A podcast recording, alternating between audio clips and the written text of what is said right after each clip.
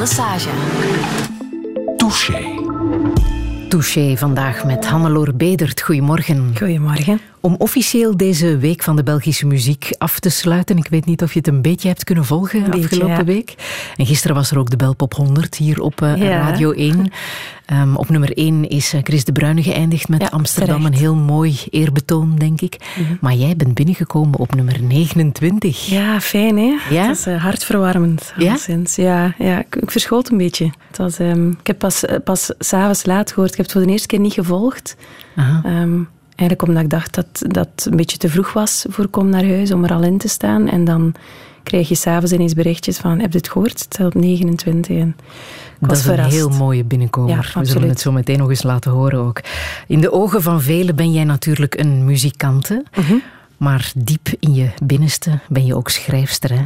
Je hebt ondertussen een eh, derde boek uit. Ehm, er was eerst Lam, Ja. drie jaar geleden, eh, wat je hebt geschreven. En waar je ook eh, de, publieks, de publieksprijs van eh, de Bronzen Uil voor hebt gewonnen. Ja. Dan was er Bruna eind vorig jaar. En nu is er ook Hoe lang gaat papa nog gestorven zijn? Dat is Ja, een bundel columns die je hebt geschreven voor Libel. Met prachtige tekeningen van Randal ja. Moeten we er ook bij vermelden. Deed het deugd om op te schrijven hoe het met jou gaat?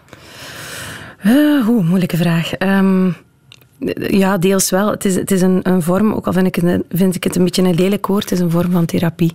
Eh, zelfzorg. Ehm, de, de moeilijke situatie is een beetje kneden tot een, een verhaal dat op een, eh, een, op een A4-blad past.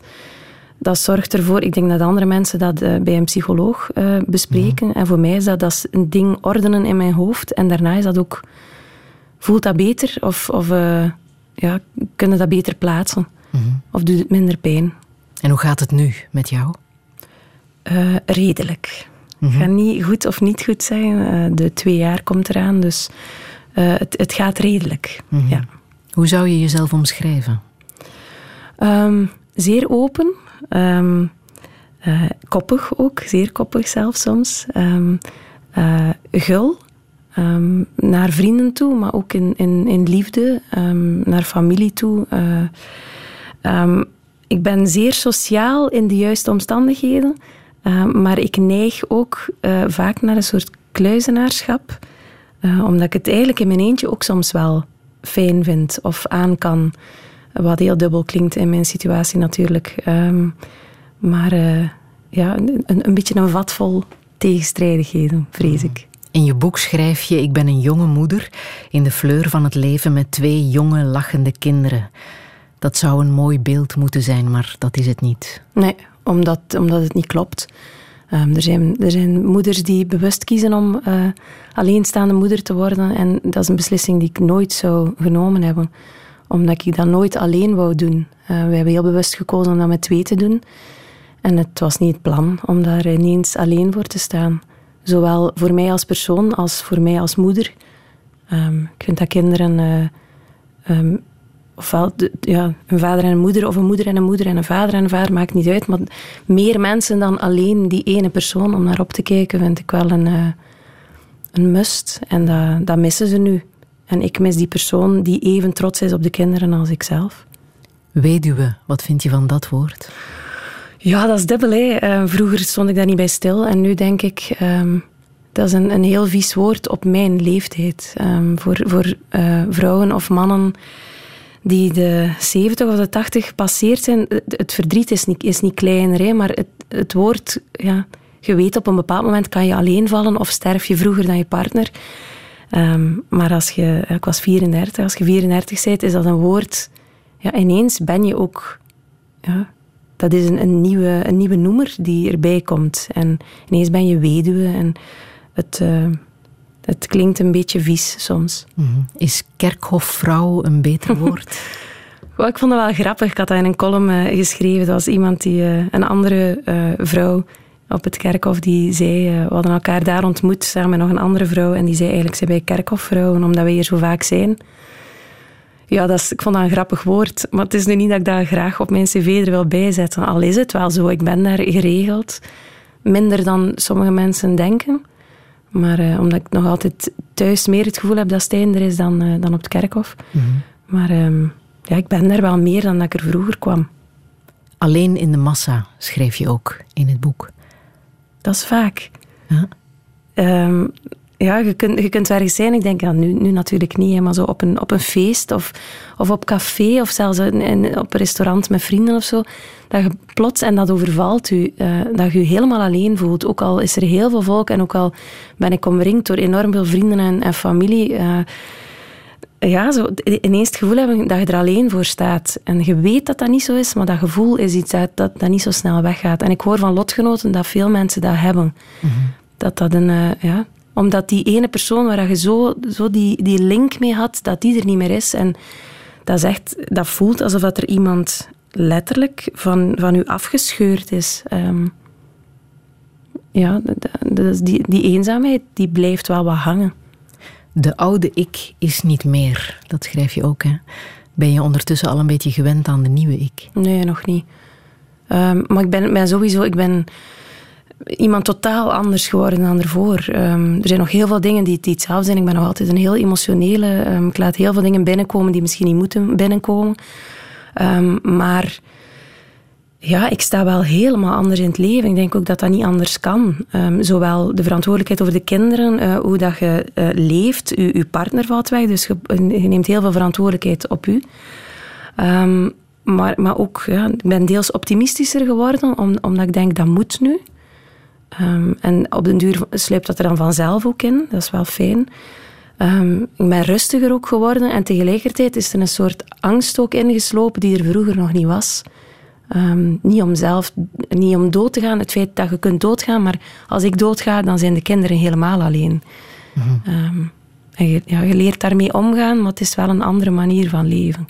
Hannelore Bedert, welkom in Touché. Merci. Radio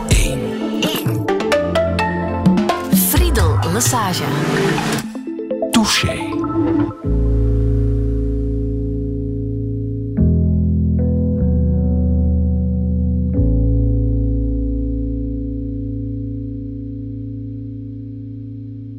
Soms dan is het simpelweg te groot. Dan staat het als een blok beton midden in de kamer hangt het aan mijn schouders, loopt het overal met mij mee, waar ik ook ga. Soms zit het bij mij aan tafel, dan doet het alsof het mij al jaren kent. Soms ligt het als een hond te wachten aan de deur tot ik thuis ben.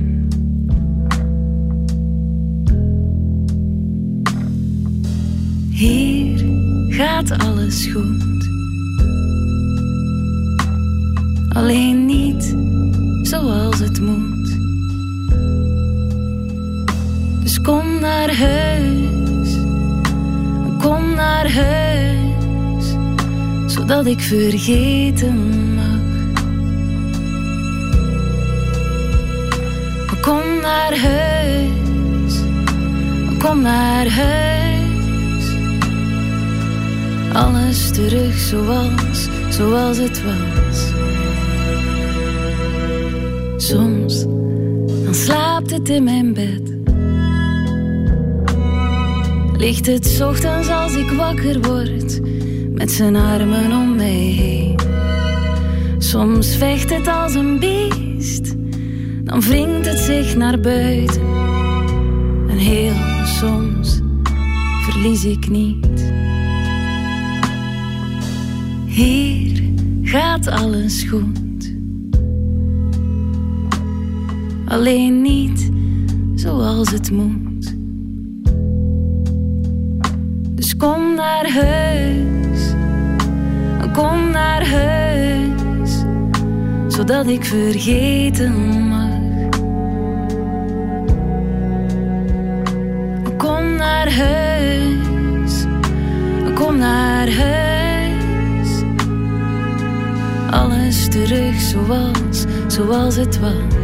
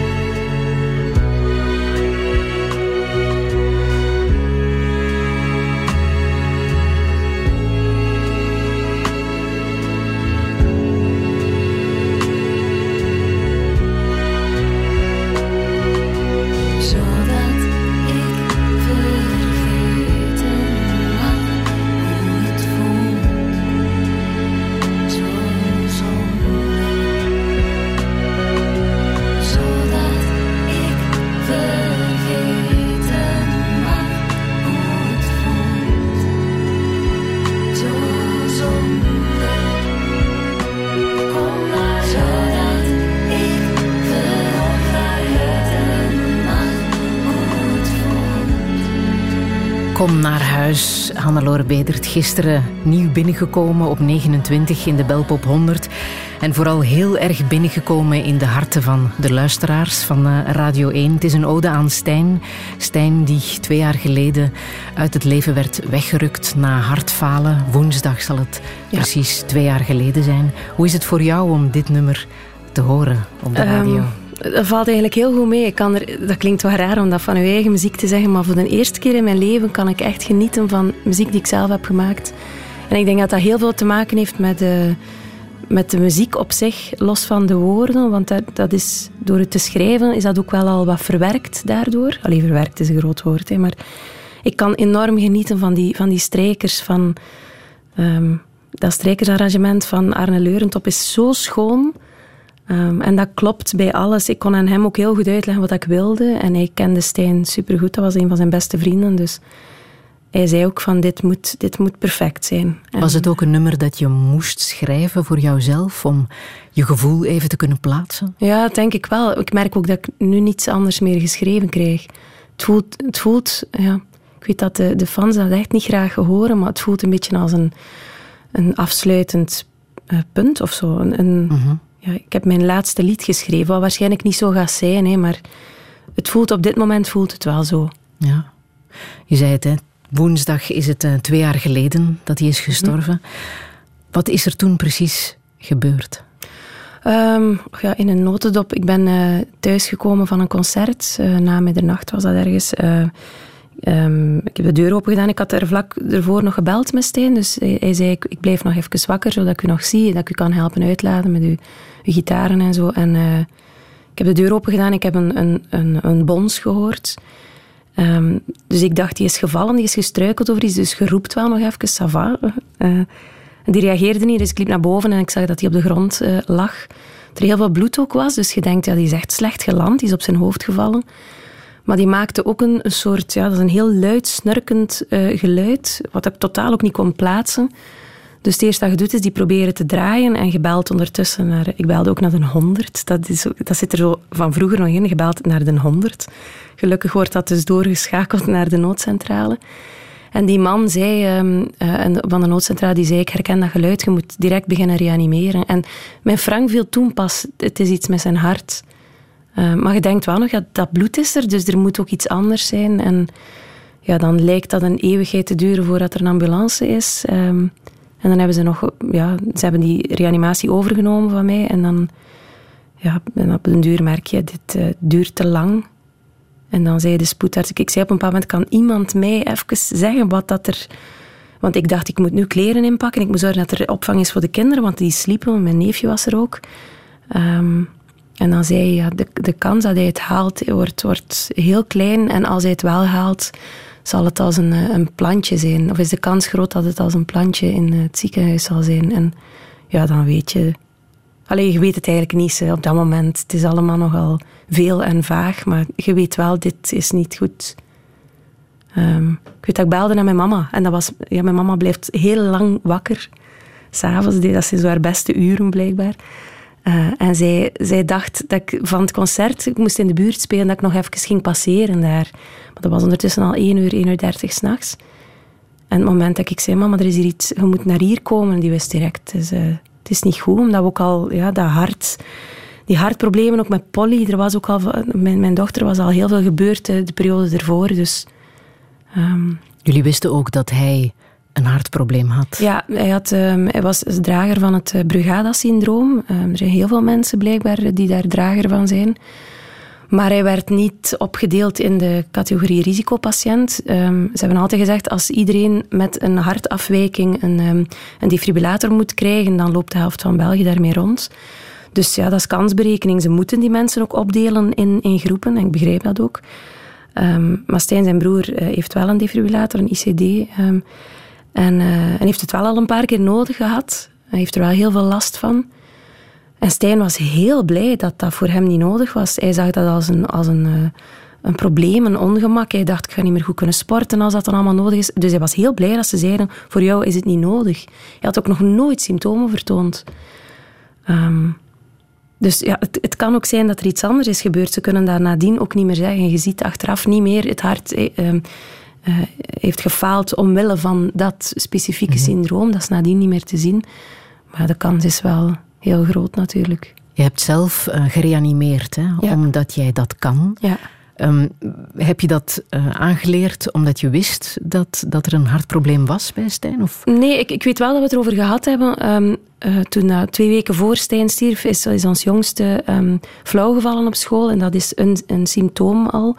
En in het ziekenhuis zeiden ze dat zijn koortstuipen. En wij dachten direct, nee, dat moet hier verder onderzocht worden. Dat gaat brigada zijn. En ik weet dat we het er toen over hadden. We gaan nog een paar keer eh, we gaan dat nog eens opfrissen. Hè, want we hadden alle twee wel een cursus gevolgd. Ik had vroeger in het Jeugdrode Kruis gezeten. En dat blijft wel hangen als je dat een paar keer hebt gedaan. Uh, maar je moet dat wel jaarlijks, eigenlijk jaarlijks, tweejaarlijks opfrissen. Um, dus ik kan dat iedereen aanraden. Maar, um, dus op dat moment, ik wist wel wat ik moest doen. Maar het eigenlijke uitvoeren op een levende mens is echt nog iets anders. Want ik zei ook tegen die man van de noodcentrale, ik, zei, ik heb het gevoel dat ik iets aan het breken ben. En hij zei, dat is echt nu het laatste van je zorgen, maar je breekt de ribben op dat moment, omdat je met eigenlijk vrij brute kracht ja, aan het pompen zit op een, op een borstkas. En dat is het, ehm, het, het, beeld op zich, dat is zo wat aan het vervagen, maar dat geluid van zo'n krakende rib, dat is iets dat, dat mij de rest van mijn leven gaat bijblijven, denk ik. Je hebt ook opgeroepen hè, uh, ja. aan mensen om zeker zo'n reanimatiecursus eens te volgen, om de app van het Rode Kruis ook uh, te installeren. Um, om even aan Stijn nu terug te denken. Wat voor mhm. iemand was hij? Um, ik denk dat alle vrienden en familie dat gaan beamen. Een zeer warm, open... Um, ik zei net dat ik zelf gul ben, maar hij was gul maal duizend. Um, een, een zeer sociaal en open persoon. Uh, en ze zeggen vaak dat je over de doden niets aan goed... Maar dat is bij Stijn wel zo. Ik weet op de begrafenis dat mensen zeiden... Dat, het is zo moeilijk om bij Stijn iets te vinden dat... Een, een slechte karakter, die vergat veel dingen. En die kwam heel vaak te laat. Bij Stijn wist je eigenlijk moeten zeggen... Het is een kwartier vroeger afspreken, zonder dat aan hem dan mee te delen, want dan, dan kwam hij misschien op tijd. Maar voor de rest, ja, dat was een, een zeer warme persoonlijkheid. Um, Wanneer zijn jullie het gelukkigst geweest samen? Um, voordat we kinderen hadden, zijn we naar... Um, er waren vrienden van ons die twee jaar in, uh, in Chili zijn gaan wonen. En dan zijn wij uh, een, uh, zijn hen achterna gereisd om zo een, maand eerst in Argentinië en dan in Chili gaan rondreizen. En in Valparaiso in Chili zijn we ja, een paar dagen gebleven. Um, er waren nog geen kinderen, er was nog geen verantwoordelijkheid. Het was alleen wij met twee. En dat, was een, dat is een heel mooie stad. Um, maar ook gewoon wij met twee, alles klopte daar. Dat was, we waren op dat moment... Ik weet dat nog, als we daar foto's van terugzagen, dat was, dat was echt geluk. Um, en soms denk ik, goh, zal ik daar ooit terug naar durven gaan uh, zonder steen? Um, misschien is dat gewoon een herinnering die, uh, die zo moet blijven. Heeft hij jou mee gevormd, denk je? Is er veel van hem in jou geslopen? Absoluut. Um, als, als ze zo... Ik ging dat nooit gezegd hebben voordat hij uh, gestorven was. Want je zegt dat niet zo vaak over levende mensen. Maar ik denk dat Stijn van alle mensen die je kent meest invloed op mij gehad heeft. Um, en hij zou het heel graag horen. Um, maar die heeft, die heeft sowieso een, een beter mens van mij gemaakt. Omdat hij de, de scherpe kantjes die ik, die ik wel soms heb, um, of de, de zo wat kritiek geven of, of, of lastig doen of, of uh, ongeduldig zijn of zo, dat kon hij er zo wat afveilen. En nu dat hij er niet meer is, denk ik, dat is een beetje een, een, um, een verplichting naar mezelf toe om dat nu over te nemen. Om mezelf soms in te tomen of om, om bij mezelf te zeggen, je moet nu niet, zo, niet zoveel commentaar hebben of niet zo kritisch zijn of hij zei altijd in leven en laten leven. Als iemand anders iets anders wil doen, laat hij doen. Ook al kon hij zich ook opjagen in, in het verkeer of in, of in mensen die, die onrecht, anderen onrechtvaardig behandelden. Maar um, ja, ik denk wel dat, dat, hij een, dat hij echt oprecht een beter mens van mij gemaakt heeft.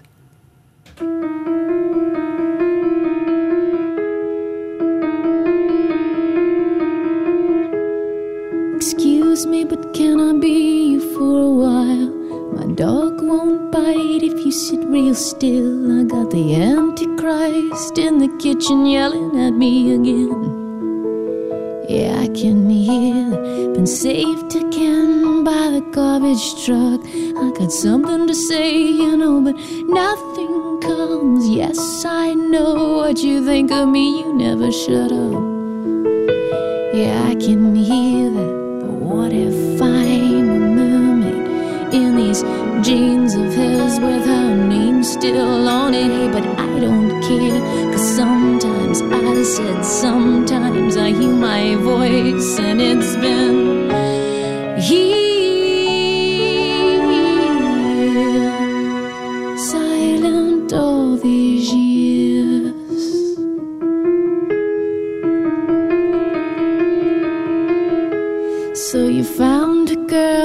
Really deep thoughts.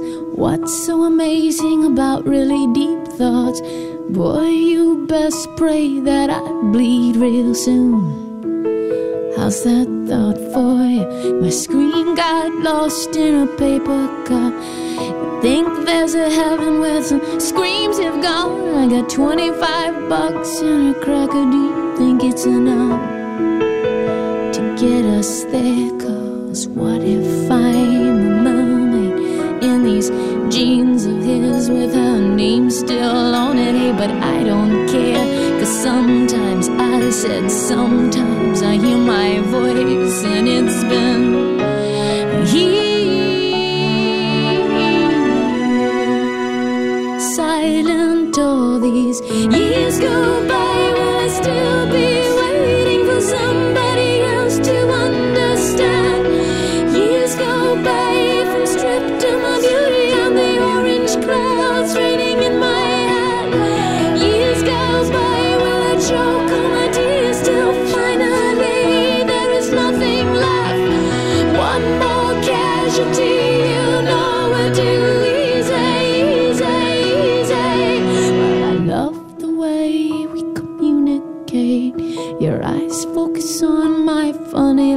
Let's hear what you think of me now, but baby, don't look up. The sky is falling. Your mother shows up in a nasty dress. And it's your turn now to stand where I stand. Everybody looking at you. You take hold of my hand. Yeah, I can hear them. But what if I'm a mermaid in these jeans of yours with her still on it? Hey, but I don't care. Cause sometimes I said, sometimes I hear my voice. I hear my voice. I hear my voice. Silent All These Years van Tori Amos. Hoewel het ook die hele plaat had mogen zijn. Hè? Little. Earthquakes, plaat uit 1992. Hannelore Bedert, hoe heb jij dit leren kennen? Ehm, ik heb dat, dat album voor de eerste keer in mijn handen gehad bij, ehm, bij, mijn, eh, bij mijn tante, de jongste zus van mijn mama, ehm, in Brugge. Eh, ik herinner mij precies, dat, dat kan zijn dat, dat dat beeld anders geworden is in mijn hoofd, maar ik herinner me nog dat ik daar op, denk op een soort draaitrap zat, terwijl dat mijn mama aan het babbelen was met mijn tante. En ik had dat album in mijn handen en dat, dat lag ook op, die muziek speelde ook. En ik was door dat boekje aan het bladeren en ik denk dat ik nog maar negen of tien jaar moet geweest zijn. En ik was daar zo van onder de indruk. Eh, ik heb jarenlang ook, ehm, als ik, ik, wilde ook Tori Amos worden. Hè. Maar dan op den duur, hoe, hoe, ehm, hoe meer ik naar buiten kwam met mijn muziek, eh, hoe meer dat er ook af en toe iemand zei, ah ja, dat is weer het, meisje, het zoveelste meisje met de piano, hoe minder dat ik durfde zeggen dat ik fan was van Tori Amos. Omdat ik dacht, ah ja, dan gaan ze mij daarmee vergelijken. Maar ehm, tot op vandaag, die eerste albums eh, van Tori Amos vind ik eh, fenomenaal. Wat dat die zowel... Het is ook de combinatie van en het spelen, die is op piano heel sterk, ehm, en het zingen, en dan ook de song die op zich al ehm super sterk is. Eh, En mocht dat van thuis Tori Amos worden? Ja, de- ehm, ik ben natuurlijk opgegroeid in Zuidwest-Vlaanderen. In West-Vlaanderen zijn we allemaal heel erg met de voeten op de grond. Dus het was wel... eh, ik denk dat mijn ouders wel altijd geweten hebben, die wilt iets gaan doen met taal en met muziek. Maar ik denk dat ze wel stiekem ehm, hoopten dat die, die droom een beetje ging getemperd worden op het moment dat ik toelatingsexamen ging doen ehm, bij een aantal toneelscholen. Eh, helaas werd ik toegelaten op kleinkunst, op Studio Herman Teirling toen nog. Ehm, en ik denk dat mijn ouders toen wel even dachten, oh jee, zouden ze nu niet beter eerst voor het Germaanse gaan studeren? Ehm, en, en daarna zien we wel. En af en toe denk ik zelf ook nog, ik had beter eerst iets anders gedaan. Of misschien had ik gewoon alleen Germaanse moeten doen en, en geen kleinkunst uh, gaan studeren. Maar mocht je toch, omdat je de jongste bent van drie? En net iets meer mocht misschien dan de anderen? Dat weet ik niet. Mijn zus en mijn broer hebben nooit gevraagd om ergens toelatingsexamen te doen. Dus misschien hadden zij dat gevraagd. Was dat... Mijn ouders waren daar wel, die hebben mij wel die kans gegeven. En ik ben hen daar heel dankbaar voor. Um, die hebben ook nooit gezegd, nee, je mag niet, je moet eerst een ander diploma halen. Dat is, dat is er nooit uitgekomen. Maar misschien hadden ze waarschijnlijk wel een beetje de stille hoop dat het... Uh, dat het gewoon weer ging uitdoven, die, uh, die goesting. En hoe ging het uiteindelijk tussen jou en Studio Herman Terling? dat is een, uh, een, een haat-liefde verhouding. Maar ik merk van veel afgestudeerden dat dat een beetje zo is. Ik, ik ben daar begonnen in de periode dat er al uh, heel veel besparingen waren. Dat uh, de school op het punt stond om um, een, een, fusie aan te gaan met, met het conservatorium. En er was weinig geld. Er waren veel minder gemotiveerde leerkrachten. En dat voelde je. Um, er waren er ook wel waar ik heel veel aan gehad heb. Hè, maar ik merkte ook dat ik daar misschien niet helemaal op mijn plaats was. Um, Ja, ik vind nog altijd, en ik ben blij dat een aantal docenten dat ondertussen hebben toegegeven, dat ze mij daar niet naar waarde hebben geschat. Ik heb er uh, hard moeten vechten voor hetgeen dat ik wilde maken. Er werd ook altijd uh, gezegd, ja, Anlore, dat is hier uh, en, en, theater en muziek. Je mocht niet alleen het ene kiezen. En ik had zoiets van, maar nee, ik wil proeven van, van het theater ook, al weet ik eigenlijk dat op dit moment ik meer de muziek kies. Um, dat werd in sommige dingen zo'n beetje afgestraft, uh, merkte ik. En het moest ook, als, als het dan theater was, moest het zo vuil mogelijk zijn. En het moest plat en vulgair zijn. En ik dacht, oh, sorry, maar dat interesseert mij niet. Dus voor, voor mij hoeft dat niet. En natuurlijk, zo'n school, je moet de uitdagingen aangaan. Maar uh, ik merkte dat, dat, ik, ja, dat ik daardoor um, ja, een beetje het buitenbeentje werd of zo. En, en dat, dat dat wat flauw was, dat ik daar niet, uh, niet zo in meeging. Maar kon je jezelf zijn? Kon je Hannelore Bedert zijn? In mijn laatste jaar wel, ja. Ik heb het gevoel dat ik daar, dat ik daar lang voor heb moeten vechten. Dat ik, uh, ik heb op een bepaald moment ook gezegd, ik ben weg. Ik heb toelatingsexamen gedaan toen in Tilburg. En uh, ik was daar toegelaten. Um, voor songwriting was dat toen. En toen was het plots wel, ja, maar blijf maar hier, we kunnen nu veel aanleren. En het enige waarom dat ik toen die stap niet heb gezet, was omdat ik schrik had om voor de cultuurshock, dan in Nederland gaan studeren. Wat gaat dat dan geven? En, um, en je was er bijna. Ja, ik was er bijna. Ja. Dus dan, dan, doe je, dan zet je die stap ook niet meer. Hè. Maar soms denk ik... Um, ik ben er maar een paar mensen tegengekomen waarvan ik echt denk, die hebben, mij, die hebben in mij geloofd en die hebben mij heel veel bijgebracht. Zoals bijvoorbeeld Gerrit Bettens, daar heb ik les van gehad. Heb ik heel veel aan gehad. Um, ben, die ben ik nog altijd dankbaar. Want er, sommige dingen ja, blijven nu bij, omdat je er veel aan gehad hebt.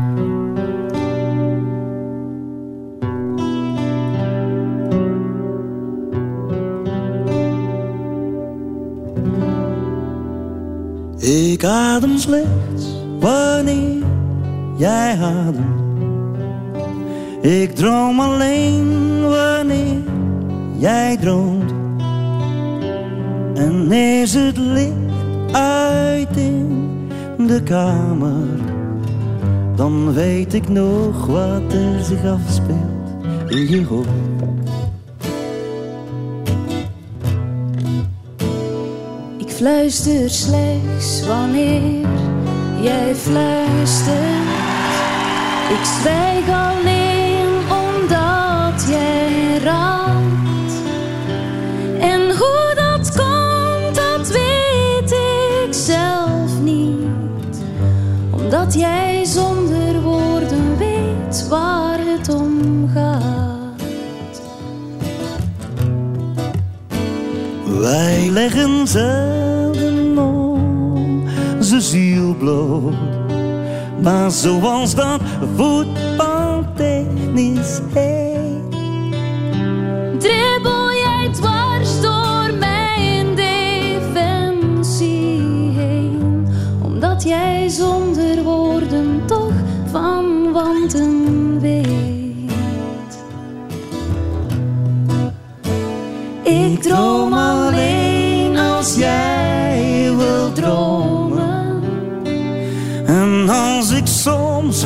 Alleen iets mis.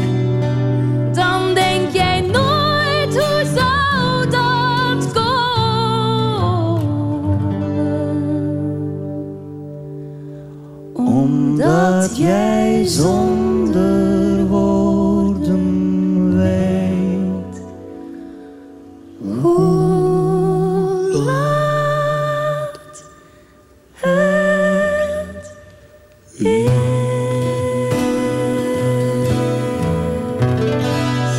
Zonder woorden. Het nummer dat uh, jij, Hannelore Bedert, hebt gezongen samen met Bart Peters live op Nacht in 2008. Mhm. Toch wel een heel belangrijk moment dat jij hier met een soort angstzweet te zitten herbeluisteren. Ja, toch wel. Toch wel. Ik, ja, ik heb er al heel lang niet meer naar geluisterd. Maar het is een belangrijk moment voor jou geweest. Absoluut, absoluut. Hoe luister jij hier nu zelf naar? Uh, ik vind dat moeilijk om daarna te luisteren nu, omdat je, je, je, begint dingen te horen en dat je denkt, oh, ik had dat toen anders moeten doen, of ik had dat beter moeten zingen, of mijn uitspraak, of maar toen was ik ook, ja, oud was ik? Uh, dat is 2008, dat is echt lang geleden. Ik was heel jong. 13 jaar jonger. Ja. Um, en... Uh, maar, maar, nu hoor ik wel, ja, zo het moment dat ik begin te zingen en dat dat, dat, dat sportpaleis ontploft, um, ik hoorde dat op dat moment niet. Ik had ook voor de eerste keer, dat was totaal nieuw voor mij, um, in-ears in, oortjes, monitoring in uw oortjes, in uw oren. En, um, dus ik hoorde niets van wat dat er los van, van het podium gebeurde. Ik hoorde alleen Bart zijn stem, zijn gitaar en mijn stem. En dat was pas, ik kwam van het podium en de mensen in de coulissen zeiden, heb jij dat gehoord, wat dat er gebeurde? ik, ik, wist totaal niet wat. Dat was pas achteraf, als ik dan de, de opname hoorde, dat ik besefte hoe dat publiek had gereageerd. En ik dacht dan, ja, dat is gewoon uit sympathie. Hè. Bart heeft ondertussen al vijftien liedjes gebracht op het podium. En, en nu komt daar dat, dat jong meisje meezingen. Dus de mensen hebben allemaal sympathie. En dan begin je die reacties te horen van mensen. En dat heeft... Um, ja, daar, daar zijn, oh, dat klinkt zo stom, er zijn deuren opengegaan, maar er zijn op dat moment gewoon heel veel mensen die mij hebben leren kennen. En Bart Peters bleek ook jouw grootste fan, hè? Ja, ja. Ook veel aan hem te danken, Ja, absoluut, ik, absoluut. Uh, nog altijd, die is wel nog altijd in een soort um, warmte naar, naar mij toe, of naar, naar wat, wat ik maak. Uh, het is niet, niet dat wij elkaar wekelijks zien of zo, maar als we iets uitbrengen, dan... Uh, dan laten we dat wel weten aan elkaar of zo. Stond je daar ook een beetje met een revenge gevoel tegenover je opleiding, tegenover de mensen die van jou iets anders wilden maken of, maken of iets anders verwachten van jou? Ja, ik heb wel, ik heb, ik heb wel af en toe gedacht, zie je wel. Maar um, daar, daar speelde Stijn dan een grote rol in. Die zei, maar je moet daar nu toch niet mee bezig zijn. Maar je voelt dat diep van binnen, denk je wel, um, hey, zie mij hier nu staan. Mm-hmm. Dit is een fijn gevoel, maar eigenlijk wilde vooral dat gevoel laten uh, primeren en niet het uh, revenge gevoel dan. Je hebt uiteindelijk ook op een theaterpodium gestaan. Mm-hmm. Hoewel dat tijdens je opleiding niet echt je ding uh, bleek, mm-hmm. um, heb je effectief theater gespeeld met dank aan Touché. Ja, ja, ja, ja. Dat moet je eens uitleggen. Um, hoe lang is dat geleden? Vijf jaar of zes jaar geleden was, of misschien al langer, ik weet niet, was Matthias Circu hier te gast. Ja. En uh, ik was onderweg naar een, um, een, uh, een jurering, iets waar, ik in de jury zat. Ik moet, mij nog altijd excuseren naar die mensen toe, want ik heb toen gestuurd dat ik wat later ging zijn, zonder echt een reden op te geven. Maar ik ben dus letterlijk met de auto aan de kant van de weg gaan staan, omdat ik zo onder de, uh, onder de indruk... Nee, was, ik was zo aangedaan door wat dat er verteld werd, door wat Matthias aan het vertellen was, enerzijds over zijn broer, die kanker had, en, en anderzijds over hoe, hoe dat hij de wereld van de, de media, de, de uh, acteurswereld, uh, hoe dat hij zich daarin voelde. En dat was zo herkenbaar op heel veel vlakken.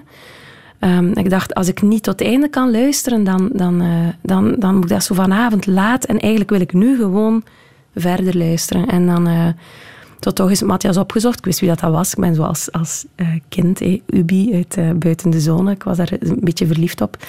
Um, maar dan zoek je die op en dan uh, blijkt die een paar straten verder te wonen. En dan dacht ik, voert, ik stuur daar eens een, mail naar. En um, dat is eigenlijk allemaal vanzelf gegaan toen. We hebben afgesproken en dat klikte zo goed. Er was een soort herkenning of zo. Um, ook al schelen wij wel wat in leeftijd maar een, uh, ja, een soort hoe sta je binnen je eigen uh, werkgebied Hoe sta je tegenover alle dingen? En dat, dat voelde heel goed. En op een bepaald moment zijn we beginnen babbelen over, uh, over spelen ook. En ik had het misschien ook over muziek maken dan voor een theatervoorstelling. En hij heeft dat toen, denk ik, wat verkeerd geïnterpreteerd als heeft zin om theater te spelen. En ergens had ik dat ook wel, want op studio was ik dat spelplezier wel kwijtgespeeld, dat ik ervoor wel had. En uiteindelijk zei hij, ja, maar ik heb eigenlijk een theaterstuk geschreven en ik zoek nog een jonge vrouw die geen zin had om het eens te lezen. En van het een kwam het ander. Het is niet bij dat ene theaterstuk gebleven, hè? Nee, nee. Want jullie zijn nu opnieuw aan het samenwerken. Ja, um, in, uh, volgend jaar in de zomer wordt uh, Matthias zijn eerste langspeelfilm opgenomen. En daar uh, ga ik samen met Thomas van Elslander, mijn muzikant waar ik al meer dan tien jaar mee samenwerk, wij gaan samen de soundtrack maken. Ja, de film heet J'aime la vie. Mm -hmm. Het gaat over een uh, jonge vrouw die kanker heeft en afscheid zal moeten nemen van het, uh, van het leven. Hij heeft uh, als inspiratiebron een Hannelore Bedert. Ja, blijkbaar. Om die hoofdfiguur. Ja, dat heb ik deze schrijven. week dus ook opgevangen. Je bent zijn muze. Ja, ik viel een beetje uit de lucht. Ik was, ik was um, verrast. Enig, ja, enigszins verrast. Niet helemaal. Want ik voelde wel dat, dat, er, um, dat er een soort warmte was, waardoor ik wel snap dat, dat iemand uh, inspiratie kan zijn voor iets. Maar, maar dat ik echt de muze ben geweest voor het, voor het verhaal, wist ik, wist ik niet. Um, maar daardoor heb ik wel begrepen waarom dat hij op een bepaald moment vroeg um, of ik zin had om, om te kijken of ik geen zin had om die rol ook te spelen, die hoofdrol. En dat heeft heel veel twijfels in mijn hoofd veroorzaakt. Uh, ik die tegen Stijn ook zei thuis van, kan ik dat eigenlijk niet? maar uh, ja, dan, dan uiteindelijk toch zo een soort castingdag doen en heel de tijd voelen, dit is niks voor mij. En ik weet dat zowel Matthias als ik dan achteraf uh, wat spijt hadden dat we dat toch hadden doorgedreven, dat was heel overtuigend.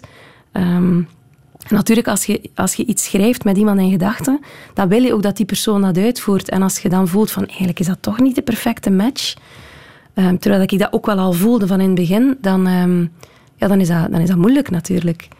Uh, maar die vriendschap is uh, volledig overeind gebleven, Mhm. gelukkig.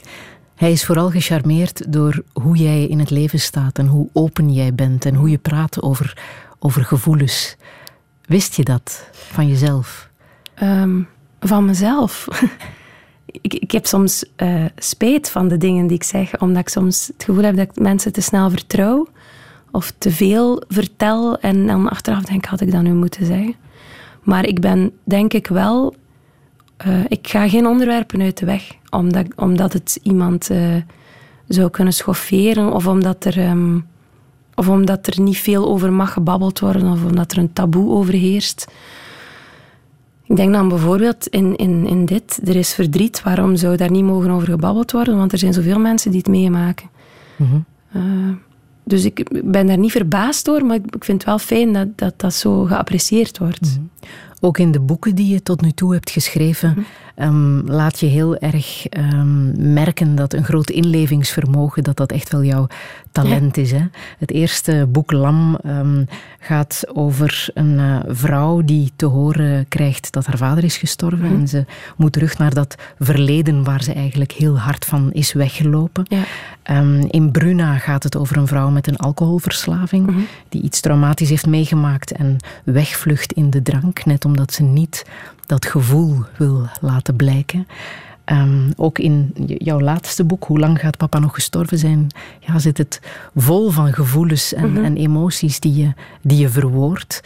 Um, verraadt dat ook dat je, dat je dat ontzettend belangrijk vindt? Om te mogen voelen, om te mogen zeggen dat het soms goed en soms minder goed gaat? Ja, ik vind dat ook de, de, de essentie van wie wij zijn. Als je niet meer mocht zeggen hoe dat je voelt, of het nu heel vrolijk is of, of heel verdrietig, als je dat niet meer mocht uiten, ja, wie zijn wij dan nog ten opzichte van elkaar? Um, en zeker bij vrienden en familie zou je bij het minste moeten durven zeggen: Het gaat niet, of ik, ik voel me niet oké, of ik zit nu echt met verdriet. Maar tegelijkertijd steek ik het zelf ook soms weg, omdat je de dingen niet wilt blijven herhalen. En Uh, als ik dan nu kijk in, in deze specifieke situatie na het overlijden van Stijn. Um, maar algemeen denk ik, mensen zouden soms meer moeten luisteren naar hoe dat iemand anders zich voelt. En niet altijd maar denken um, dat op de vraag hoe gaat het, uh, dat, dat een, een goed beter is dan ja, eigenlijk niet zo goed. Want dan moet je nog een vraag stellen en dan moet je nog langer luisteren. En voor sommige mensen is dat echt een opgave. Mhm. En dat is, dat is jammer. Je schrijft in het boek: um, Ik durf soms niet te zeggen dat het goed gaat. Dat het ook wel eens een dag goed gaat. Mhm. dat, ja, dat is omdat, omdat mensen, uh, als je dat zegt. Um, ja, mensen hebben dan het gevoel: oké, het is, het is oké, ik moet niet meer verder vragen. Um, en het is nu voor altijd oké. Ja, terwijl dat kan een uur later kan dat een compleet ander gevoel zijn, omdat dat verdriet na zo'n verlies, dat, dat, dat overvalt u. Dat is daar ineens. Dat kan, ik kan hier straks buiten lopen en er kan iets klein gebeuren, dat zelfs zo struikelen over iets. En mhm. ineens is dat daar. En dat is iets, dat vind ik het lastige nu aan dat verdriet, dat je, dan, dat je het niet voelt aankomen. Ehm, en ik, ja, ik merk dat mensen het makkelijker vinden als je zegt dat alles oké is. Mhm. Soms is het ook echt lange tijd oké. je krijgt de goede raad van een uh, vriend van jou die zegt: um, Jij moet dus ophouden te denken wat andere mensen denken. Ja. ja, dat is zo. Maar dat is, een andere vriend heeft dat jaren geleden ook al gezegd. En dat, dat is zo. Ik denk veel te snel wat denken anderen. En daar moet je eigenlijk niet mee bezig zijn. Maar dat uh, Stijn was daar goed in, in zeggen van, ah, stop daar eens mee. Wat, als er, als er, ja, dat is zo vaak bij artiesten, als er honderd mensen zijn die zeggen, ik vind het fantastisch wat je maakt, en daar zit één zuurpruim tussen, dan onthoud je alleen die ene zuurpruim. Jammer genoeg. Ehm, en misschien is dat ook, ook schoon, want dan blijf je twijfelen en dan blijf je jezelf uitdagen in hetgeen dat je maakt. Maar ik denk dat ook op alle andere vlakken. Ik moet veel minder bezig zijn met wat de andere mensen uh. Die, die eerste vriend die dat ooit zei, die zei dat ging dan vooral over mannen. Eigenlijk denken wij niet zoveel na. Misschien moet je gewoon redeneren. Als jij denkt, die denkt nu zo, moet je redeneren, die is niet aan het nadenken. En dat helpt soms wel, om zo te denken. Gaat het ook over het gevoel hebben dat je je vrienden, je familie lastig valt als het niet goed gaat met je? Ja. ja, we zijn nu bijna twee jaar ver. En ook al voelt dat voor mij uh, als een heel korte periode. Er is heel veel gebeurd, maar het voelt wel nog altijd alsof dat Stijn nog maar vorige week bij ons was. Um, heb je wel het gevoel, ik ben al twee jaar mensen aan het lastigvallen met dat gevoel. Terwijl ik weet dat vrienden en familie zoiets hebben als, als het niet gaat. Wij zijn er. Maar ja, ik denk dat mensen bijvoorbeeld in een depressie ook op een bepaald moment niet meer durven um, aankloppen. Of, uh, het, blijft nog altijd, dat is iets als mensen zeggen, wat kan ik doen als ik dat meemaak, um, dat er in mijn buurt iemand in die situatie terechtkomt dan zeg, ik, dan zeg ik eigenlijk altijd hetzelfde. Zorg dat je zelf langs gaat. Zorg dat je niet zegt, je zijt welkom. Kom maar af als het niet gaat. Want die stap is groot. Ik, ik heb heel veel vrienden die zeggen, je zijt welkom, hé, altijd kom maar langs. Hé. Maar het is net die moed die je dan niet hebt. Ja, op dat moment denk ik, ik heb nu geen, geen courage om te gaan aanbellen en te zeggen, het gaat niet. Eigenlijk zijn de momenten dat mensen gewoon voor je deur staan of gewoon bellen, ik kom dan af, omdat je dan zelf kunt zeggen, nee, het past niet kunt dan zelf beslissen, nu niet of nu wel. Um, maar het komt wel vanuit die andere mensen, waardoor dat je niet in eerste instantie denkt, ik ga hen ermee lastigvallen. Want je denkt, ze staan ervoor open, ze willen eigenlijk echt helpen. Of ze willen luisteren. En soms is luisteren al uh, voldoende.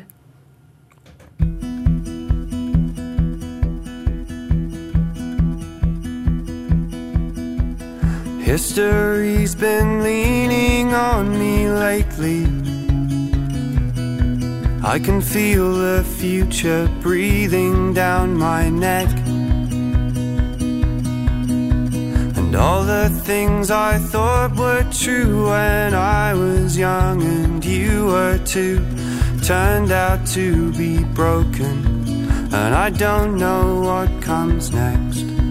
In a world that has decided that it's going to lose its mind be more kind, my friends. Try to be more kind.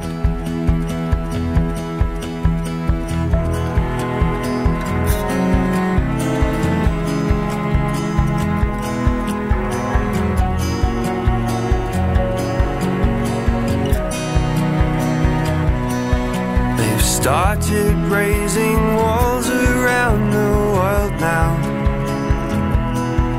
Like hackles raised upon a cornered cat. On the borders in our heads between the things that can and can't be said, we stop talking to each other.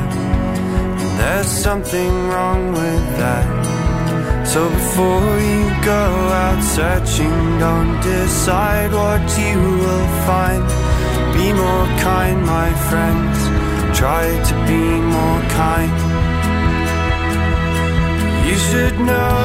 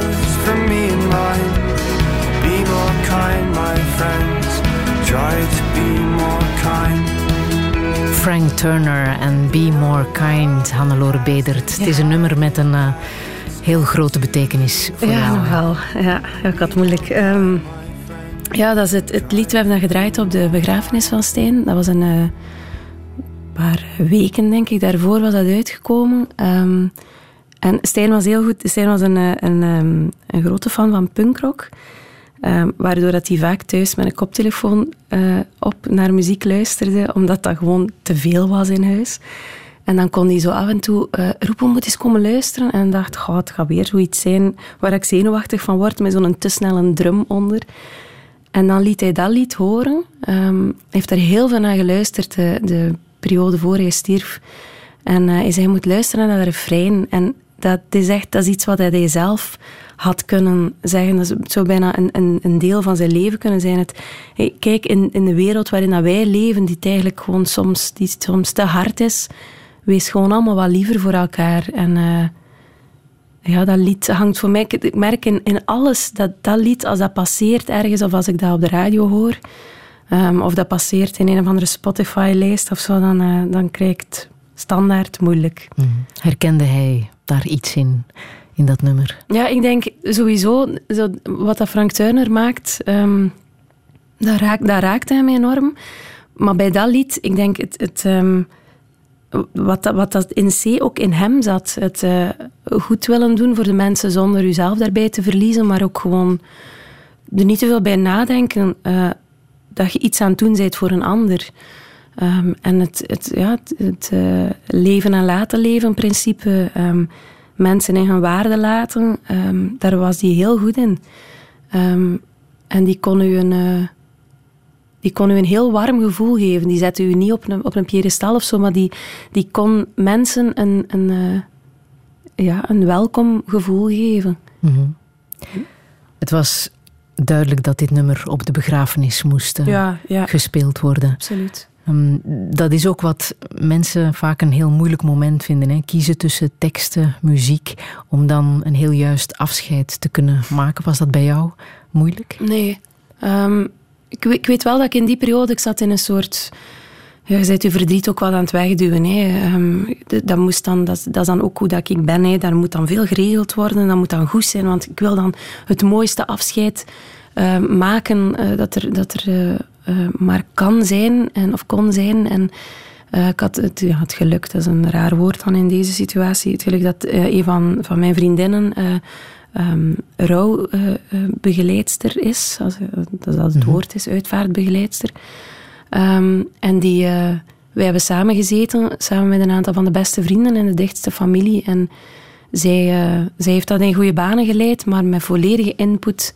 Ik wilde niet dat dat in een kerk was. Daar, daar moesten niet te veel van die, van die katholieke dingen tussen. Het moest ook, moest ook allemaal niet te heilig worden, los van, van katholiek of niet. Het moest Stijn zijn. En dat was met zoveel mogelijk mensen, veel muziek en, en, en persoonlijke woorden. En er is door, door heel veel vrienden en familie is er iets gezegd. Ehm, en ik heb tegen mezelf gezegd, je gaat iets voorlezen. Um, en ik heb toen met, met Polly op mijn arm, want die begon te wenen op dat moment, ehm, een brief voorgelezen voor Stijn. Maar ook met een, ja, ik heb veel geweend ook, terwijl ik dat luid op las. Maar ook met een soort, ja, warmte naar Stijn toe. Mhm. Ook zo'n beetje de... Ja, ik wist dat Stijn daarmee ging lachen. Stijn is gecremeerd en die moesten zo'n ja, een, een urne kiezen.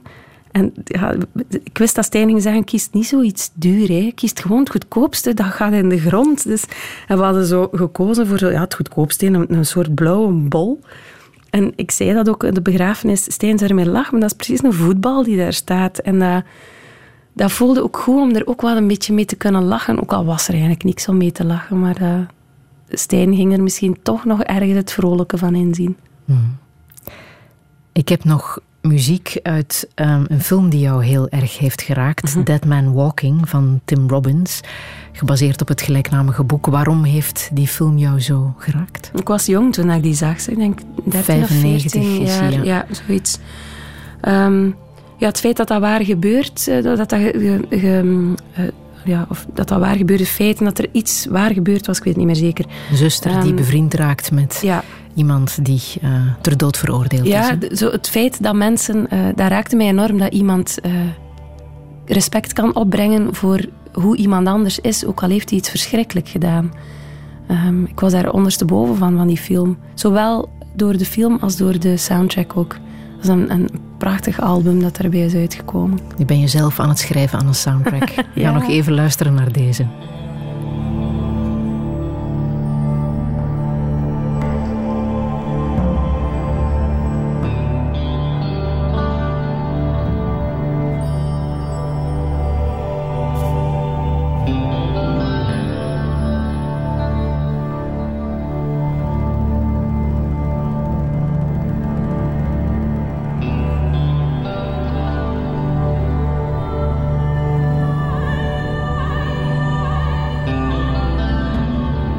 Muziek uit die heer krachtige soundtrack van Dead Man Walking. Zometeen praat ik verder met Hannelore Bedert. Radio 1.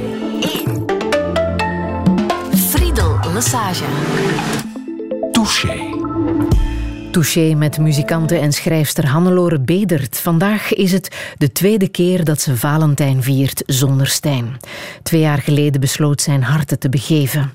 Op slechte dagen denkt ze dat ze gefaald heeft bij de reanimatie. Op goede dagen weet ze dat ze alles heeft gedaan wat ze kon. Aan de liefde voor Stijn houdt ze twee kinderen over. Kinderen die op een heel andere manier omgaan met het verlies van hun papa. Alles is anders sinds hij er niet meer is. Maar hoe moet het verder? Hoe zwaar is de administratieve romslomp als je man onverwacht uit het leven wordt gerukt? Kan je vrolijk en verdrietig zijn tegelijkertijd? En kan je nog zorgeloos ouder worden? Dit is Touché met Hannelore Bedert. Een goede middag. It's a motherfucker. you. Thinking about the good times, thinking about the bad. And I won't ever be the same.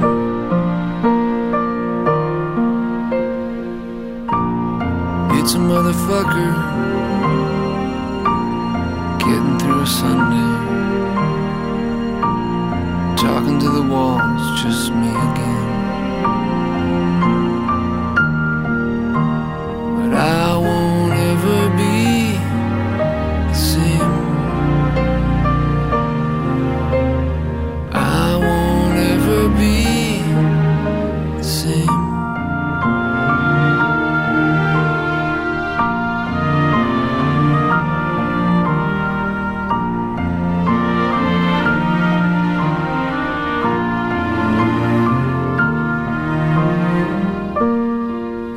motherfucker.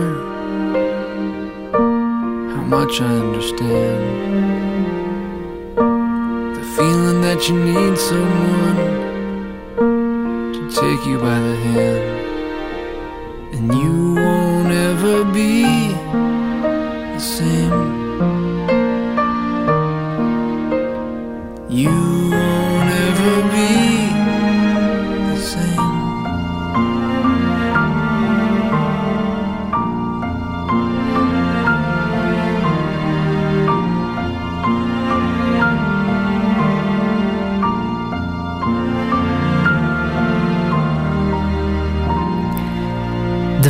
van het zijn. Niemand kan het zo goed eh, verwoorden als Iels. It's a motherfucker. Hannelore Bedert, wat betekent dit nummer voor jou?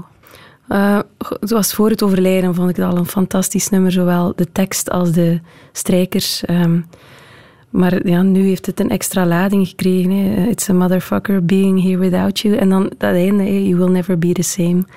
Dat zegt uh, eigenlijk bijna alles over hoe het nu is. Waar heb jij sindsdien al het meeste op gevloekt? Oh, op heel veel dingen. Hè. Maar uh, onder andere ook op het, um, de administratie en de, het gedoe uh, dat erbij komt zien als je uh, zeker op jonge leeftijd weduwe of weduwnaar wordt. Er is, um, een, een, in 2015 is er veel veranderd. Veel mensen weten dat niet. Als mensen nu zeggen, oh ja, maar ja, je zit weduwe, je hebt geen weduwepensioen. Hè. Um, vroeger dacht ik ook, ja, als, ik wist dat eigenlijk zelfs niet, een weduwepensioen, dat als iemand overlijdt, als je partner, als je gehuwd bent en je partner overlijdt, dat je dan een pensioen krijgt. Hè. Um, ik was er ook niet mee bezig, logisch. Um, maar in 2015 is er beslist dat uh, mensen die jonger uh, zijn dan 47, ondertussen is het al opgetrokken naar 50. Dus als je nu jonger bent dan 50 dan, en je wordt weduwe of weduwnaar, dan uh, krijg je een, uh, een overgangsuitkering. Um, dus uh, ongeacht hoe lang uw partner gewerkt heeft. ze zeggen, ja, je bent te jong. Dus ehm, mensen die ouder zijn, die krijgen eigenlijk de rest van hun leven een, een soort pensioen.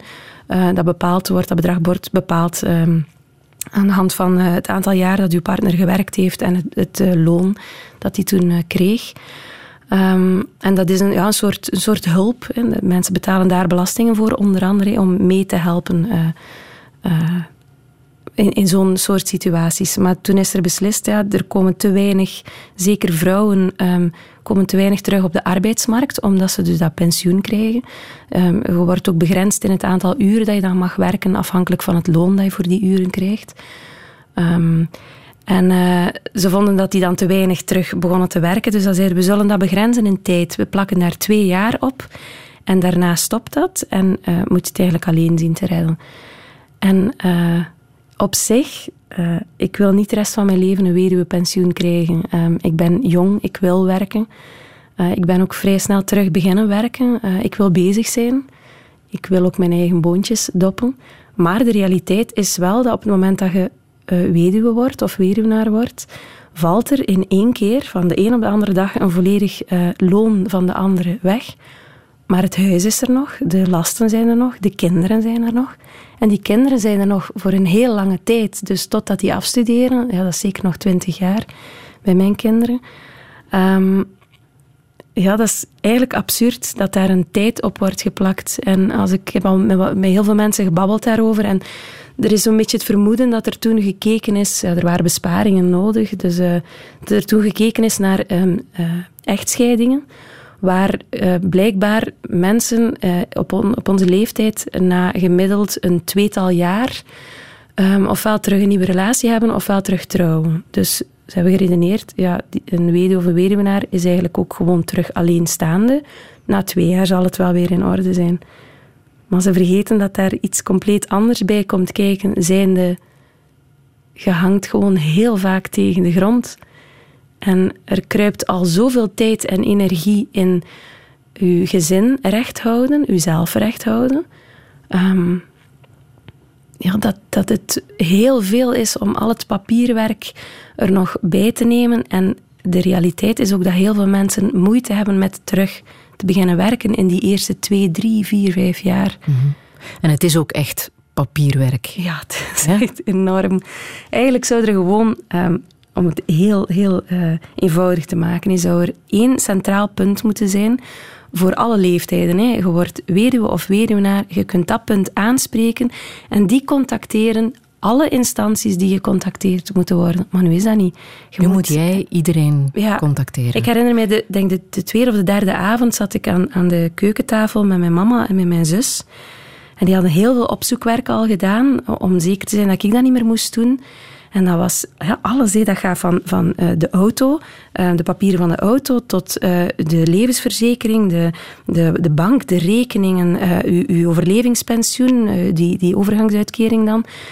Um, alles van de kinderen. Er moet naar een notaris gaan. En als ik dat nu opsom, dan denk ik, iemand die dat hoort, denkt, was dat van nog. Maar dat is gigantisch. Ik heb die eerste drie, vier maand niet anders gedaan dan, dan naar de notaris, naar de bank, weer terug, weer papieren, weer.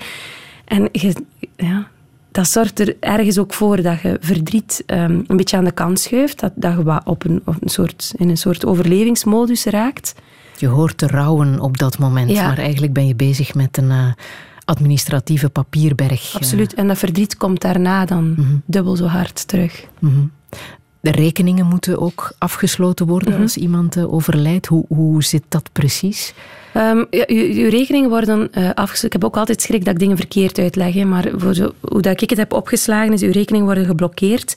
Ergens is dat ook begrijpelijk, want het kan ook zijn dat er ergens nog iets lopende is um, en dat de, mensen willen, ze willen eigenlijk heel zeker zijn dat er... Uh, um, de eigendommen en de gelden van de overledene, dat die niet misbruikt worden door degene die, er, die achterblijft. Terwijl ja, wij, wij redeneren, wij zijn getrouwd, wij hebben bewust gekozen om een gezin samen te vormen, om kinderen te maken. Stijn zou niet willen dat er nu rekeningen geblokkeerd worden en, en dat ik daar sta. En dan krijg je iets van 4.000, 5.000 euro um, waar, je, waar je mee kan leven de eerste periode. Dat lijkt heel veel, maar alles moet daar dus van betaald worden. Met dat verschil dan, je, denkt dan, je moet dan dus echt met je factuur naar de bank om te bewijzen dit moet betaald worden. Dus ik heel flink die, na een paar weken met al mijn facturen naar de bank. En dan bleek dat heel veel dingen daar niet van mochten betaald worden. Zijn de kinderopvang, de, de brandverzekering van het huis, familiaar. Dat mocht allemaal plots niet. Dus er zijn zo een paar facturen maar die mogen betaald worden. Zoals de uitvaartkosten, um, kosten, medische kosten die nog moeten betaald worden van de overledene. En dan, dan je daar. En dan was ik heel blij dat er familie was die mij konden helpen.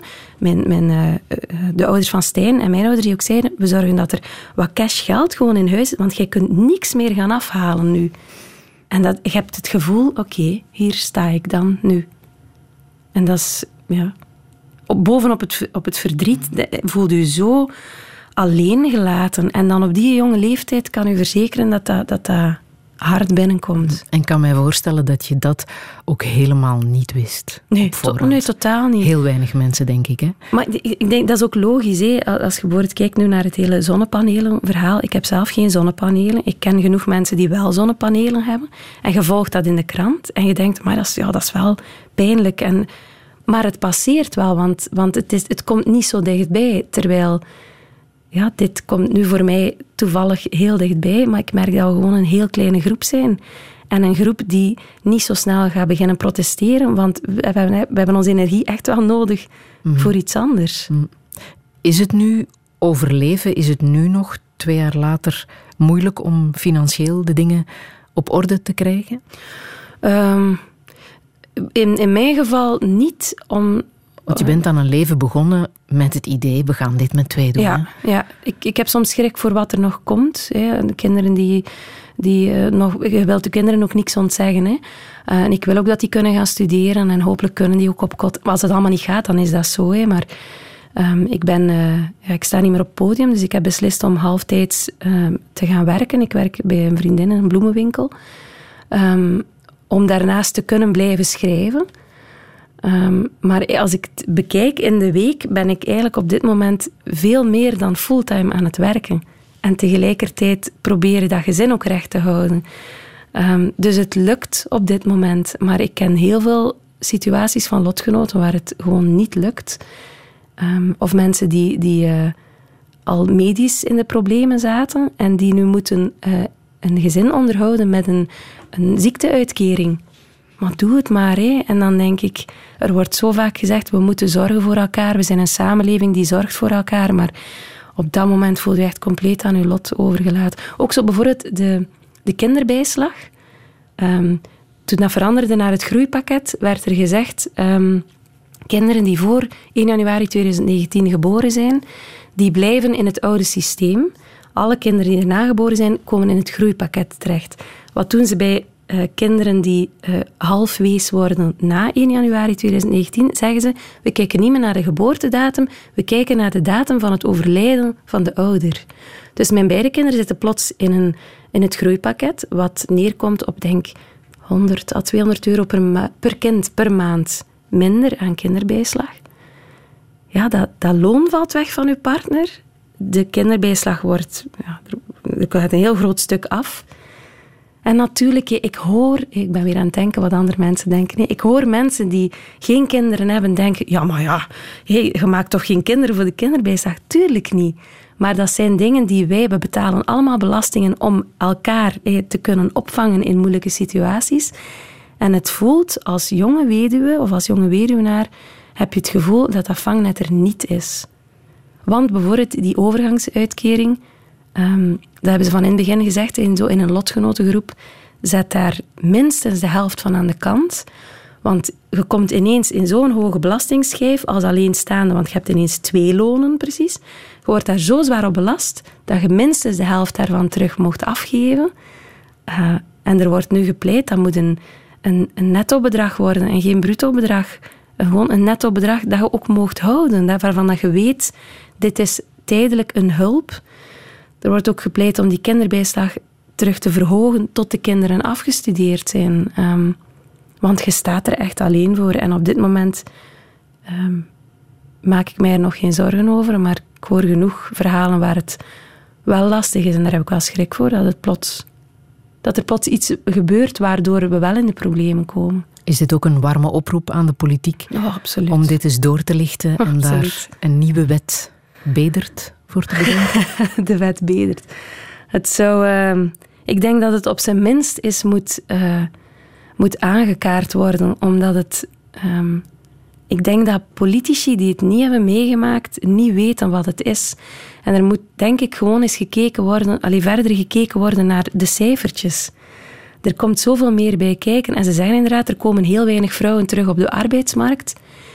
Maar de groep weduwen is veel groter dan de groep weduwen. Jongen, ja, ja blijkbaar is dat iets van 70, 30 of 80, 20 procent. Zijn er veel meer jonge vrouwen die weduwe worden dan jonge mannen die hun vrouw verliezen. Um, en, die sneller geneigd zijn om dan effectief ja. thuis de zorgen op zich te nemen. Ja, en het laatste wat ik wil is thuis zitten. Dat wil ik ook niet. Ik wil werken. Dus ik denk dat ze ook een keer moeten. Het is niet omdat er misschien een paar jonge vrouwen geweest zijn die niet meer zijn terug beginnen werken, dat daarom die volledige groep niet wil werken. Maar de bekijk dan die kinderbijslag terug opnieuw. Zorg dat die jonge vrouwen en mannen met jonge kinderen geholpen worden. Mensen zouden belangrijker moeten zijn dan de regels. Absoluut. Maar ja, politiek.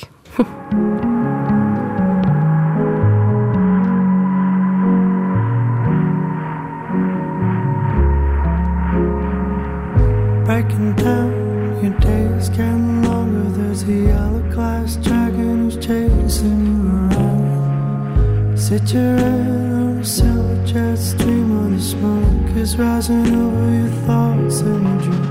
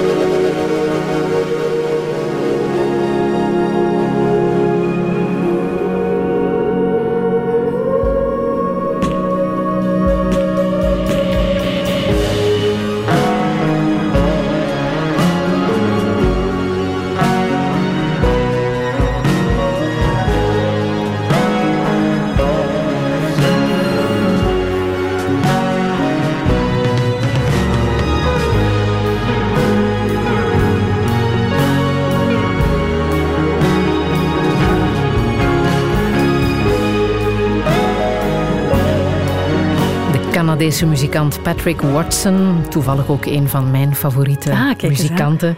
Met de Love Song for Robots. Geweldig schoon nummer. Ja, Hannelore Bedert.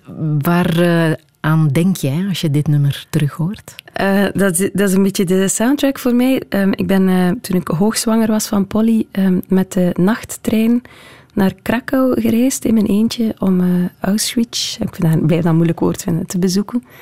Ehm, wat een idee. Ja, ja, iedereen verklaarde mij wat gek toen. En Stijn op zijn Stijns zei, je moet dat doen als je dat nu nog wil doen. Ik had dat nooit gedaan als, als eh, student of als, of als tiener om mijn schoolreizen. Er waren heel veel mensen die dat toen deden.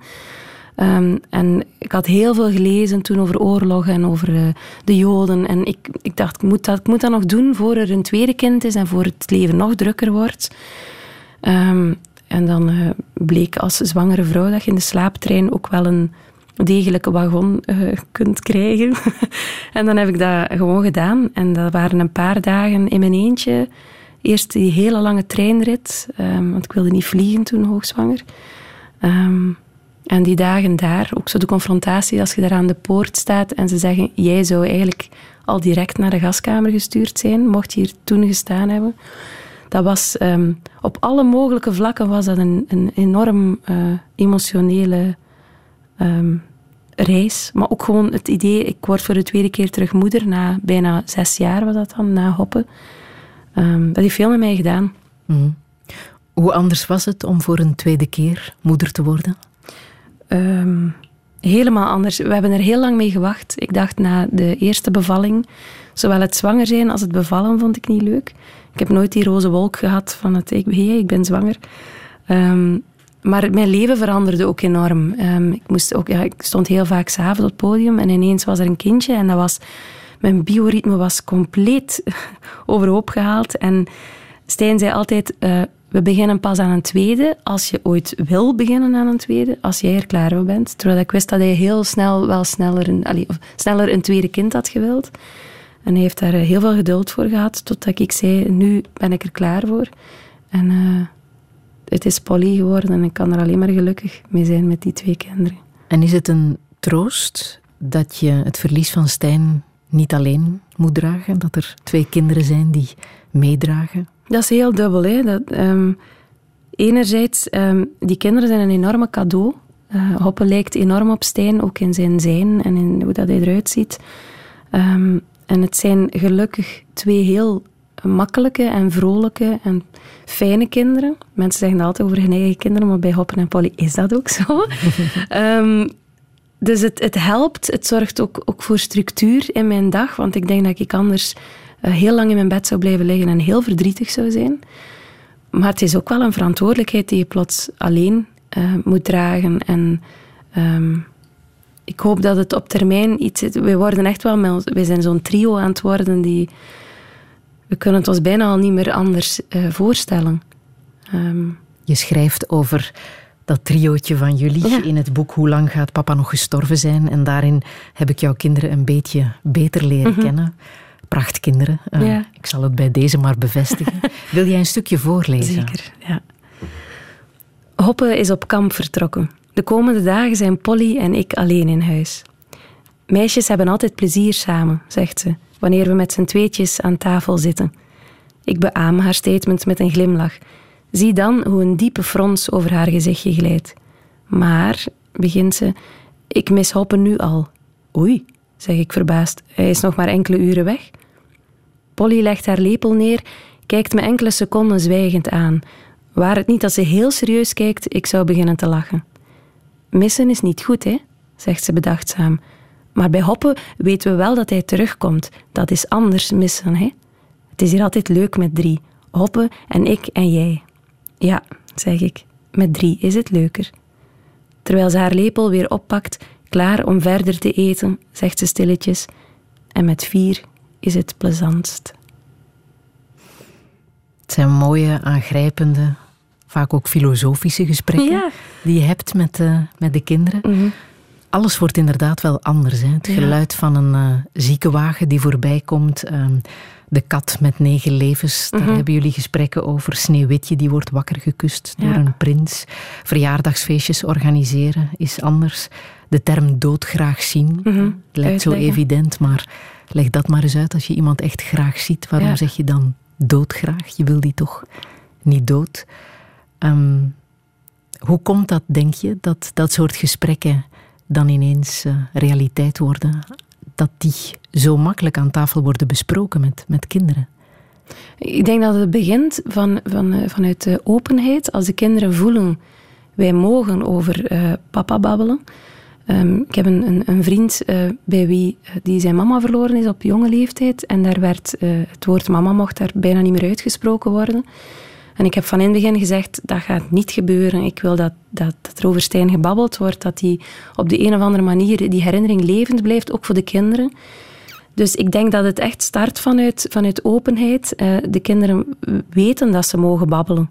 En dat ze ook, dat ze ook grappige dingen mogen zeggen. Want ze, ja, Polly kan, die is, die is net vijf geworden, die kan echt heel scheve dingen zeggen, ook over, ook over Stijn. En um, dat is ook, ook ja, dat zorgt denk ik voor hen ook voor een soort verwerking die ze misschien anders pas op latere leeftijd in hun eentje zouden moeten oplossen. Mm-hmm. En nu wordt er gewoon... Um, wij, wij babbelen en wij maken ook plezier. En er wordt ook heel vaak... Hoe vaak dat ik ook niet zeg tegen Hoppe, wel, je lijkt op je papa als hij weer iets vergeten is. Of, en dan is Hoppe vier, want dan lijkt hij op zijn papa, ook al is het dan dat ene ding dat we, waar we ons soms aan ergerden. Um, hij... Um merkte op dat het woord hartfalen zo negatief klinkt. Ja. Alsof zijn het hart, hart gefaald ja, heeft. Zijn hart ja. heeft toch helemaal niet gefaald. Zeker niet dat van Stijn. Nee, maar ja, dat, die term plakt daarop. Hè. Hartfalen, uh, het hart heeft gefaald. Terwijl ik denk, ja, het hart, er, er, is inderdaad iets gebeurd met dat hart. Maar ik wil het ook niet echt falen noemen. Mm. Ook al is dat een medische term dan. Hoe moeilijk is het voor jou dat de hartjes van jouw kinderen diezelfde ziekte hebben? Hetzelfde syndroom van Brugada? Mm, als ik er heel uh, diep of lang over nadenk, dan word ik daar uh, angstig door.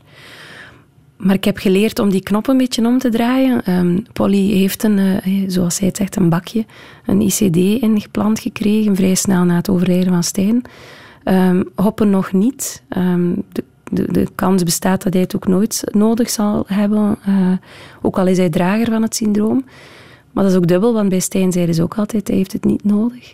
Ehm, ja, er is er een soort, een soort angst die er altijd wel is, maar ik heb wel geleerd, ik moet uh, de kinderen wel de vrijheid geven die ze anders ook zouden hebben. Ik wil dat Hoppen mee kan op scoutskamp. Uh, dat ze op school um, kunnen zijn zonder dat ik heel de tijd denk... Uh, er gaat toch iemand in de buurt zijn als ze flauw vallen of als ze een hartaanval zouden krijgen. Of...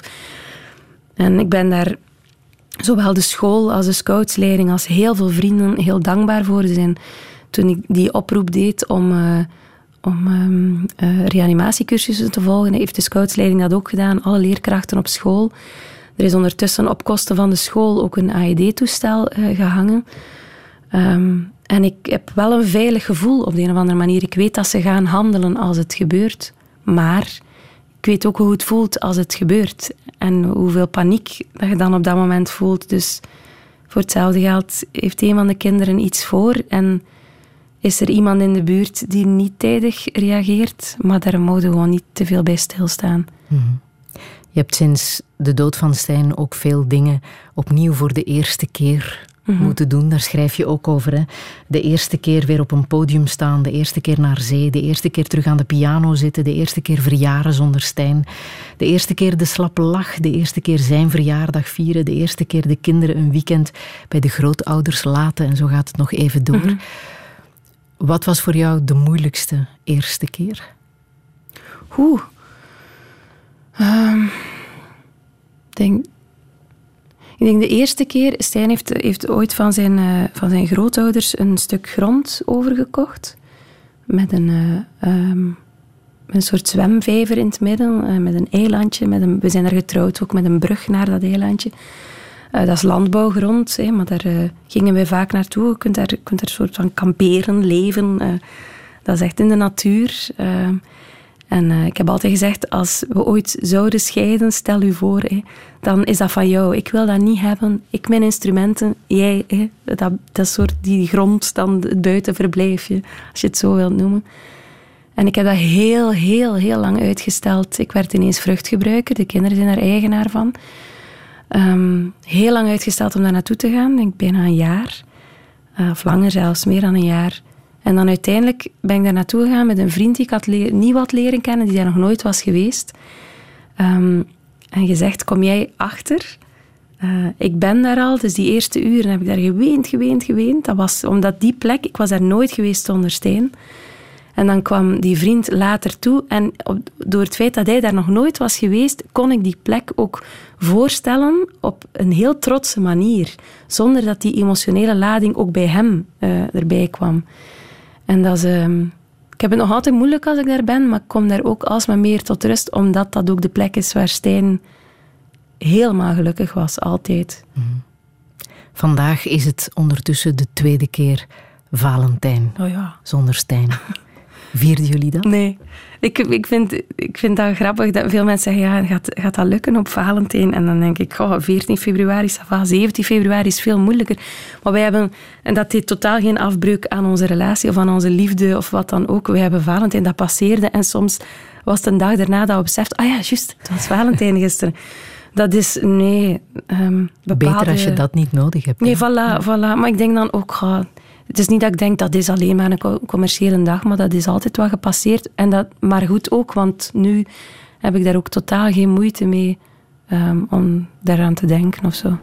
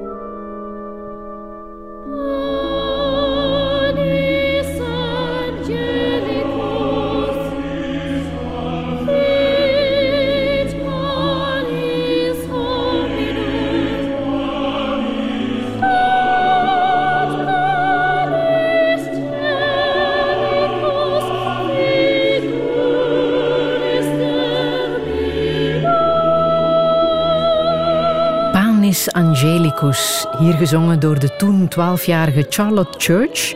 Ze is ondertussen uitgegroeid tot zangeres, tv-presentatrice en zelfs activiste. Onder meer bij de Welsh National Nationalist Party. Mm -hmm. Hannelore Bedert, het is vooral dit lied hè, dat uh, voor jou ja, belangrijk is. En misschien die extra herkenning in een twaalfjarig meisje die die hoge noten pakt. Ja, ja, ja daar kon ik ooit, uh, lang, lang, lang geleden, kon ik daar ook nog aan. Echt? Je hebt het zelf zo gezongen? Ja, ik heb, het, uh, ik heb als kind... Um, was ik ja, zowel misdienaar als koorzangertje.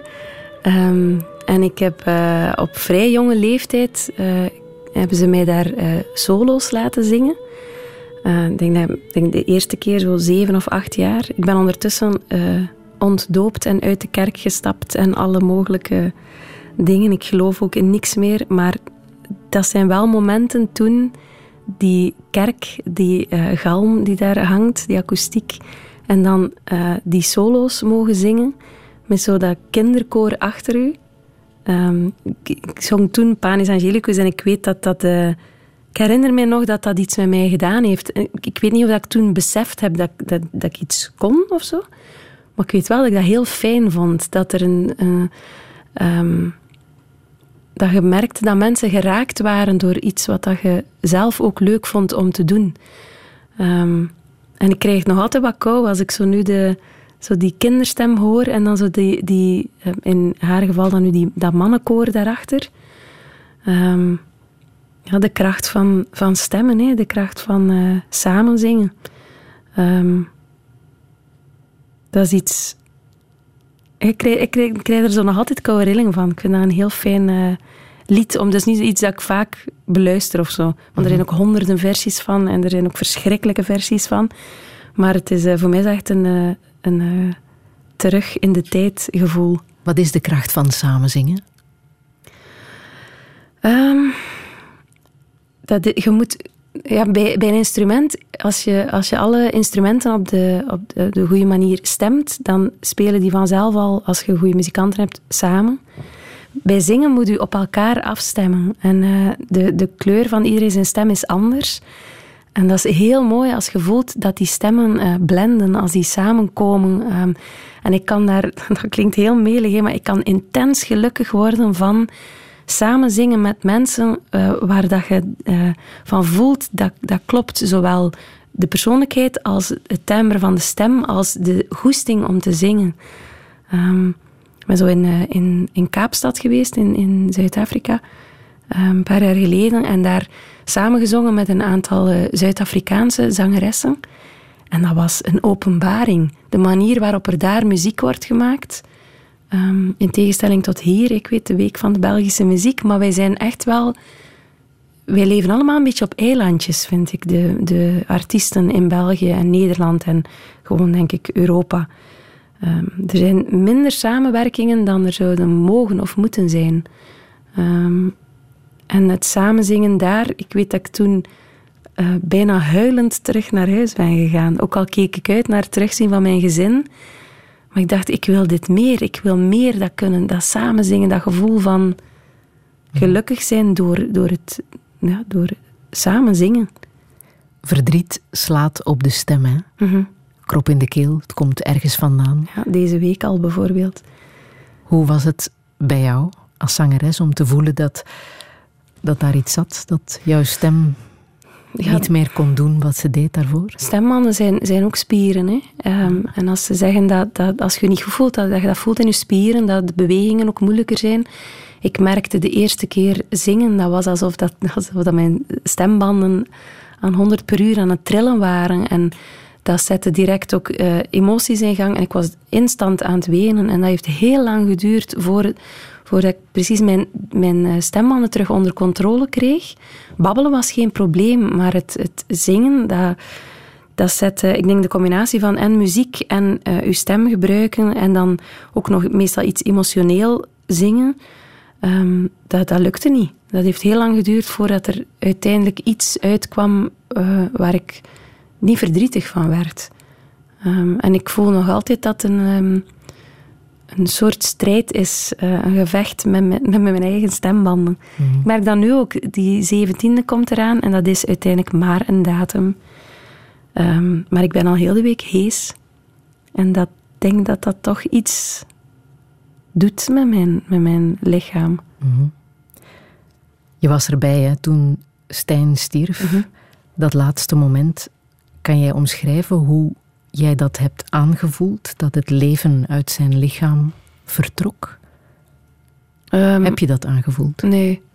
Nee, omdat, omdat je op dat moment nog met, met hoop leeft. Denk. Allee, zelfs, nee, dat is zelfs geen hoop met de overtuiging, uh, dit is even een lastig moment in het leven en hij gaat dan naar het ziekenhuis en hier gaan we over een week mee aan het lachen zijn. Niet dat je op dat moment die dingen denkt, maar je bent gewoon aan het handelen um, en je zit, wel, je zit constant te zeggen, uh, ik weet dat ik gezegd heb, Stijn, je moet bij ons blijven, maar dat was meer een soort maar iets zeggen om, om ja, bijna een soort kwaadheid van wat, doe jij, wat legde jij hier nu op de grond? Waarom ben ik u aan het reanimeren?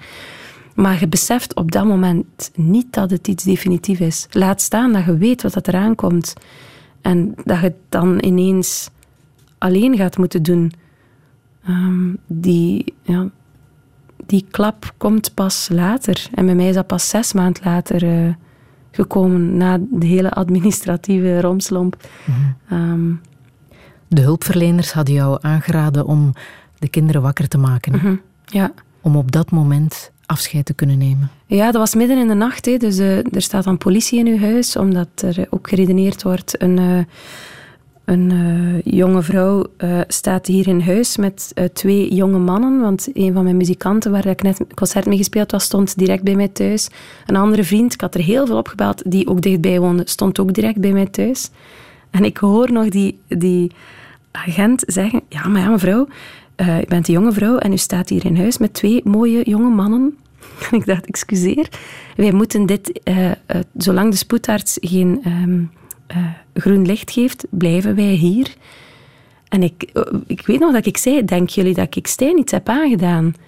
Um, maar blijkbaar is dat, zolang dat de spoedarts niet zegt het is geen verdacht overlijden, moeten zij, die doen ook maar hun werk. Hè. Uh, het moment dat die spoedarts zei, het is uh, waarschijnlijk hartfalen, dan, dan zijn die ook kei lief en die vertrekken ook. En, die, um, en op dat moment zei die man van slachtofferhulp dan ook, ja, je moet eigenlijk nu de kinderen wakker maken. En ik dacht, maar wat is dat hier ook allemaal? En dan moeten de kinderen gaan wakker maken. Ik zei, nee, ik laat die slapen, laat die maar gewoon even een nachtrust. Morgen vroeg zei ik, en wel, die moeten hier nu ook niet in al die commotie zitten. En dan zei die, die man van slachtofferhulp, ik zou ze nu wakker maken, ik ga meegaan naar de kinderen. Mijn mama is ook meegegaan toen. Ze moeten uh, Stijn nog zien. En ik zei ook, maar er is zoveel bloed ook. En dan heeft de, de, de begrafenisondernemer heeft die dan ja, proper gemaakt. Of uh, aan, uh, toonbaar, hoe zeg je dat dan? Um, en dan ben ik de kinderen uit bed gaan halen. En zij hebben Stijn inderdaad nog gezien. En blijkbaar als het kind of kinderen pas veel later Stijn niet meer in huis hadden gezien en hem pas in het mortuarium hadden teruggezien, dan is dat blijkbaar voor een kind iets dat heel moeilijk te plaatsen is. Want papa was gisteravond levend in huis en nu ligt hij daar, die wordt niet wakker en die ligt daar op een tafel. Ehm, en Polly spreekt nog altijd van, maar papa werd dan in een zwarte zak naar beneden gedragen, dat was op het eerste verdiep. Ehm, blijkbaar moet dat dus goed geweest zijn voor de kinderen. en ik denk, ja, ik denk ook wel dat dat, dat een goede een goed plan geweest is toen. Ja.